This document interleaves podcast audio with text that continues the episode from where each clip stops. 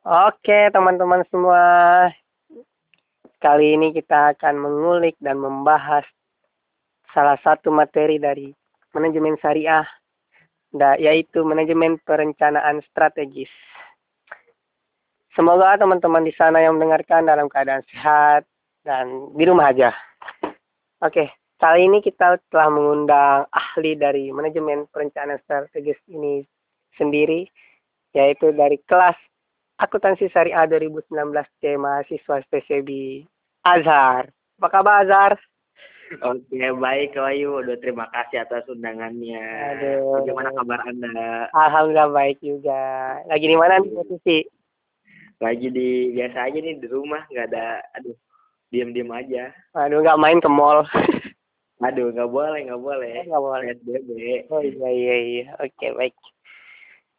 Baik nih Azhar, saya akan menanya sedikit tentang atau mengulik sedikit tentang manajemen perencanaan strategis. Apakah boleh? Boleh sekali. Alhamdulillah kita bisa menggunakan waktu malam ini dengan efektif berdiskusi, multidiskusi seperti itu. Iya, manfaatkanlah waktu sebaik-baiknya gitu kan. Iya, benar sekali. Iya. iya. Oke. Mungkin teman-teman di rumah sana atau di mana-mana, dari Sabang sampai Merauke udah nggak sabar untuk mendengarkan penjelasan dari saudara Azhar nih. Oke, baik. Pertama saya mau menanyakan gini. Manajemen perencanaan strategis, apakah ada definisi tertentu dari seorang Azhar tentang manajemen perencanaan strategis ini? Uh, manajemen perencanaan strategis ya. Iya. Jadi kalau menurut Ana itu manajemen perencanaan strategis itu adalah suatu kegiatan manajemen organisasi atau perusahaan yang digunakan untuk menetapkan suatu prioritas, memfokuskan energi dan sumber daya, terus memperkuat kinerja operasional, perencanaan strategis juga memastikan bahwasannya target-target yang kita incar itu harus terus kita kejar dan harus kita tepat pada titik tersebut. Tidak boleh kita hindari apa pun yang kita rencanakan harus kita capai. Seperti itu mungkin kurang lebih. Oh, begitu ya. Harus dikejar dikejar ya. Iya. Nah, cara menyusun strategi dalam perusahaan itu gimana tuh? Menyusun perencanaan strategisnya itu gimana? Ada tahap-tahapnya nggak? Nah, dalam perencanaan strategis itu kurang lebih seperti ini ya. Jadi kita itu harus membuat dulu konsep tentang perencanaan strategis itu sendiri. Nah. Jadi karena kita kan yang namanya perencanaan itu harus terdapat uh, sebelum kita merencanakan, saat merencanakan dan setelah kita merencanakan. Jadi kita membuat konsep perencanaan strategis itu bahwasannya satu proses perencanaan itu pasti akan melibatkan berbagai tingkat kegagalan gitu. Iya. Jadi bagi teman-teman semua itu yang ingin melakukan suatu manajemen perencanaan strategis, maka harus menyiapkan hati dan mentalnya bahwasannya ke depannya pasti banyak sekali kegagalan-kegagalan yang akan terjadi yang akan membuat mental kita itu lemah gitu kan. Iya, iya. Terus terus juga apa uh, mungkin dalam artian itu seperti ini ya uh, bisnis baru itu pasti ada tingkat pertumbuhannya kan. Nah seperti ini tingkat per, pertama kita perjualan uh, kita mempunyai target harus menjual sepuluh ribu barang gitu kan. Nah kita merencanakan bahwasannya sepuluh ribu barang tersebut harus kita jual. Maka kita harus rencanakan dulu nih barang ini kira-kira kita lihat dulu pasar kira-kira barang ini itu dibutuhkan tidak di pasar? Kalau dibutuhkan kira-kira berapa gitu kan? Oh iya. Maksudnya kita itu harus menentukan hal-hal yang seharusnya kita prioritaskan gitu. Jangan asal-asalan. Bahwasannya seluruh kegiatan kita itu harus memfokuskan kepada apa yang kita tuju gitu. Oh kurang lebih begitu. Harus jangan nggak boleh asal-asalan ya. Harus strategis harus tersusun tersusun rapi ya. Nah itu dia. Iya Nah, terkait perencanaan strategis di dalam perusahaan nih. Nah, kan kalau di, di perusahaan kan ada visi dan misi tuh. Nah, stra, perencanaan strategis ini masuk gak ke dalam visi dan misi itu atau sama atau gimana tuh? Wah, bagus sekali. Jadi memang di setiap perusahaan itu pasti memiliki visi misinya masing-masing. Iya. Jadi salah satu uh, perencanaan strategi itu eh maaf jadi visi dan misi itu sudah termasuk dalam perencanaan strategis karena itu masuk uh, tujuan kita gitu. Jadi dalam sebuah proses uh, ada suatu yang mengatakan bahwasannya proses perencanaan strategi itu terdiri menjadi lima langkah lima langkah strategis yang pertama itu kita menentukan visi dan misi dulu karena jika kita sudah menentukan visi dan misi maka kita sudah mengetahui apa sih yang harus kita kejar gitu kan. Iya. Dari visi dan misi itu sendiri. Kan karena visi itu misi umum visi itu kan target umum kita. Dan misi itu langkah-langkah yang harus kita capai untuk menggapai visi kita. Nah lalu selanjutnya setelah kita menentukan visi dan misi kita harus menganalisis lingkungan. Seperti kita itu harus mengidentifikasi peluang dan ancaman. Bahwasannya apakah lingkungan ini akan terjadi kegagalan apakah terjadi sebuah keberhasilan saat kita mengeluarkan satu produk gitu kan. Jadi itu harus menjadi salah satu faktor penting dalam uh, perencanaan strategis agar langkah-langkah yang kita keluarkan itu tidak sia-sia gitu kan. Terus di langkah selanjutnya terdapat sebuah penilaian diri sendiri gitu. Dalam artian itu kekuatan dan kelemahan suatu perusahaan itu perlu dianalisa, evaluasi gitu kan. Evaluasi seperti ini tuh sangat jadi harus dilakukan karena untuk memperkuat dan apa memperkuat langkah dan juga e, mengambil manfaat apa-apa saja yang kira-kira telah gagal dan telah berhasil gitu. Apabila dari evaluasi tersebut ada yang kita gagal, maka kita perbaiki dan apa yang sudah baik maka kita lanjutkan seperti itu. Karena apa kita itu hidup di dunia itu memang harus penuh dengan evaluasi. Jadi e, apa-apa yang kita lakukan itu harus kita ketahui dan kita evaluasi bahwasannya agar kita menjadi pribadi yang lebih baik ke depannya gitu kan. Oh. Terus selanjutnya setelah kita mengevaluasi diri, kita juga harus mengambil suatu keputusan. Mengambil keputusan strategis yang di mana tadi kita sudah menentukan visi dan misi, terus kita sudah analisis lingkungan, kita sudah evaluasi, lalu kita harus mengambil satu keputusan.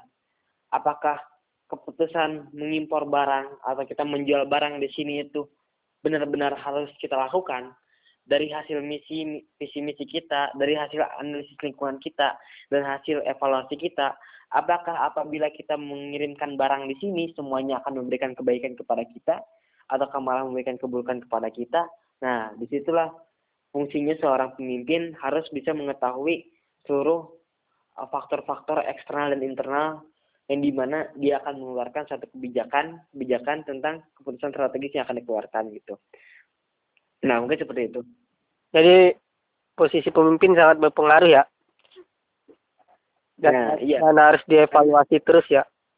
Nah, memang sekali. Jadi pemimpin itu memang sangat berpengaruh sih dalam manajemen ini, manajemen perencanaan strategis karena biasanya uh, seorang pemimpin itu harus bisa menyatukan uh, seluruh visi misi yang ada di benak anggota-anggotanya agar disatukan dengan visi misi yang ada di otaknya gitu kan. Iya, iya, iya.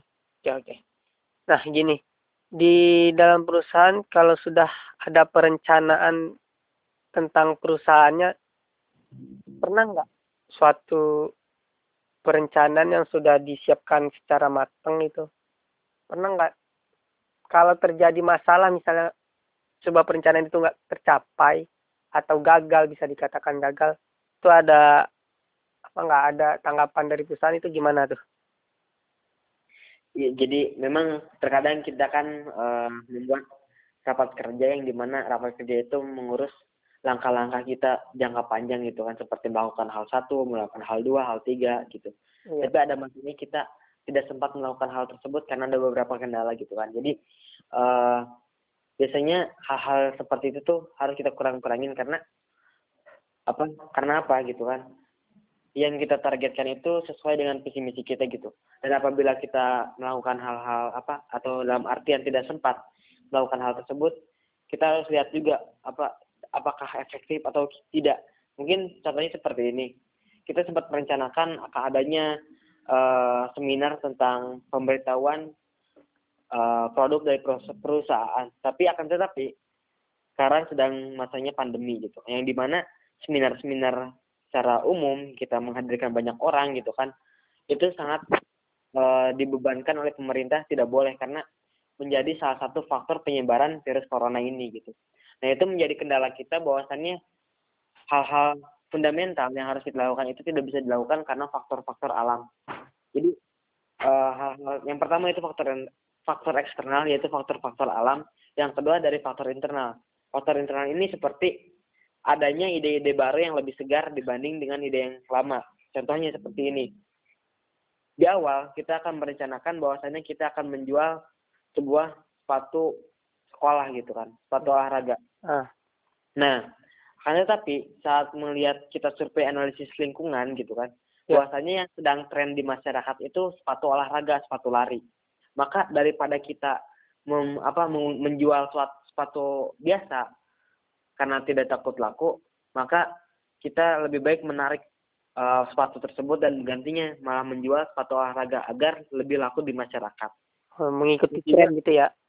Nah, seperti itu. Terus di pihak internal juga terdapat faktor yang buruknya juga seperti eh, kemalasan dari anggota ataupun seperti mager karena di mana manusia juga kan kadang-kadang dia tuh semangat-semangatnya kadang-kadang dia sedang malas-malasnya seperti itu. Jadi ini tugas Iya. ketua juga bahwasanya tetap menjaga suhu atau semangat dari anggota-anggotanya bahwasannya di apa disamakan lagi pemikirannya satu visi satu misi bahwasannya apa yang dilakukan perusahaan itu demi kebaikan seluruh manusia seperti itu. Ah, iya sih, malas itu emang penyakitnya luar biasa sih. Nggak ada obatnya itu. Benar sekali. Nah, gini nih. Jadi manajemen perencanaan strategis ini sangat penting ya di perusahaan ya, harus ada ya. Sangat Iya, penting sekali. keberadaannya ya.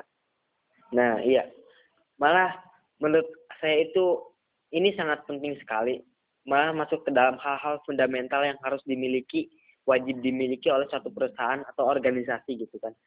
Karena jika seorang organisasi atau sebuah organisasi atau sebuah perusahaan tidak memiliki perencanaan strategis, maka bisa dikatakan perusahaan atau organisasi tersebut mati gitu.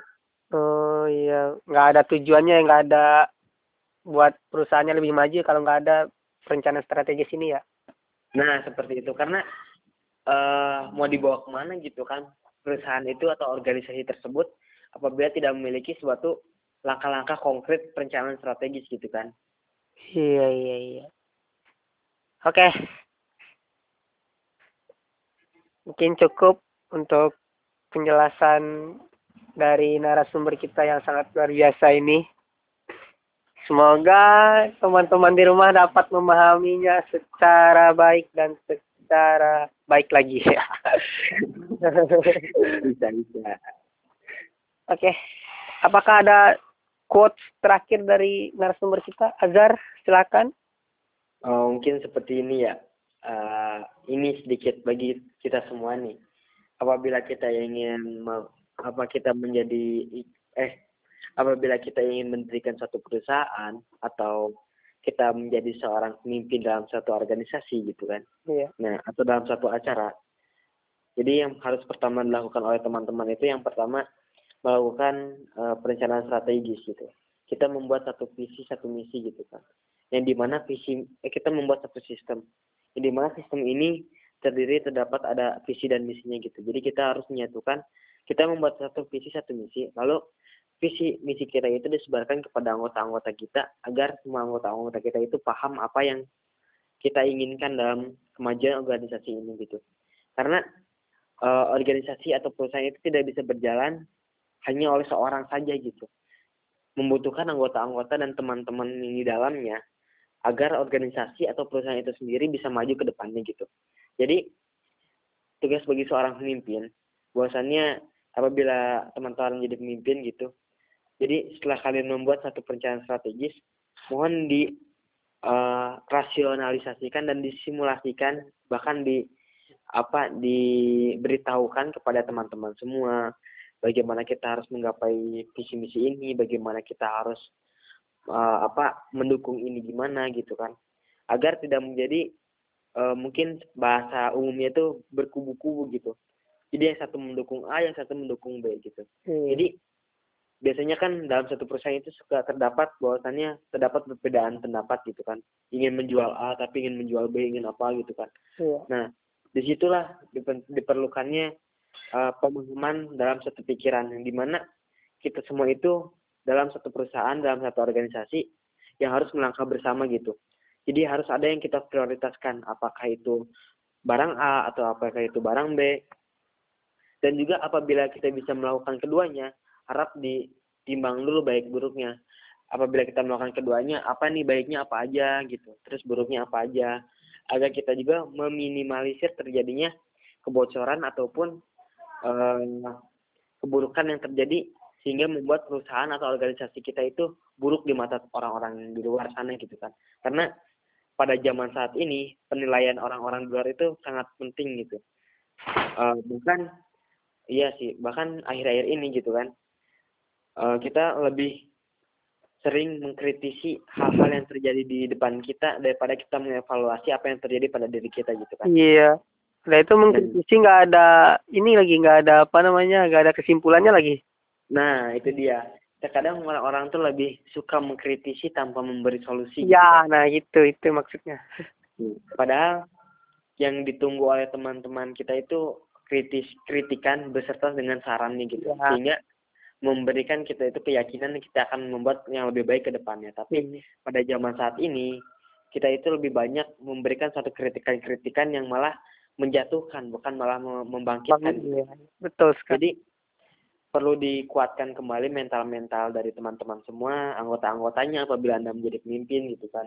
Agar uh, tidak mengeluh dalam melangkah karena terjadi terjadinya salah satu faktor runtuhnya suatu organisasi atau runtuhnya suatu perusahaan adalah karena ketidakpercayaan teman antara satu sama lain dan juga ketidakberanian eh, apa merangkul bersama sehingga melawan hal-hal yang buruk tersebut dan juga eh, apa ukhuwah itu menjadi satu faktor yang penting dalam satu perusahaan agar eh, perusahaan ini dilakukan itu seperti layaknya hobi dan keluarga gitu. Hmm. Jadi kita itu mendapatkan suatu kesan keluarga dalam perusahaan itu sendiri. Hmm. Jadi saat menggapai perencanaan strategis itu kita malah nyaman melakukannya bukan malah terbebani gitu. Mungkin seperti itu. Oke, waduh. Tuh teman-teman dari Sabang sampai Merauke itu dengerin tuh. Saran dari narasumber kita tuh wah luar biasa. Hmm, Inspirasi. Terima kasih Muhammad Azhar telah berkenan untuk menyampaikan banyak ilmunya pada malam hari ini. Oke, terima kasih juga nih telah mengundang saya Hamzah malam saya menjadi bermanfaat nih berkat undangan Anda. Iya, waduh.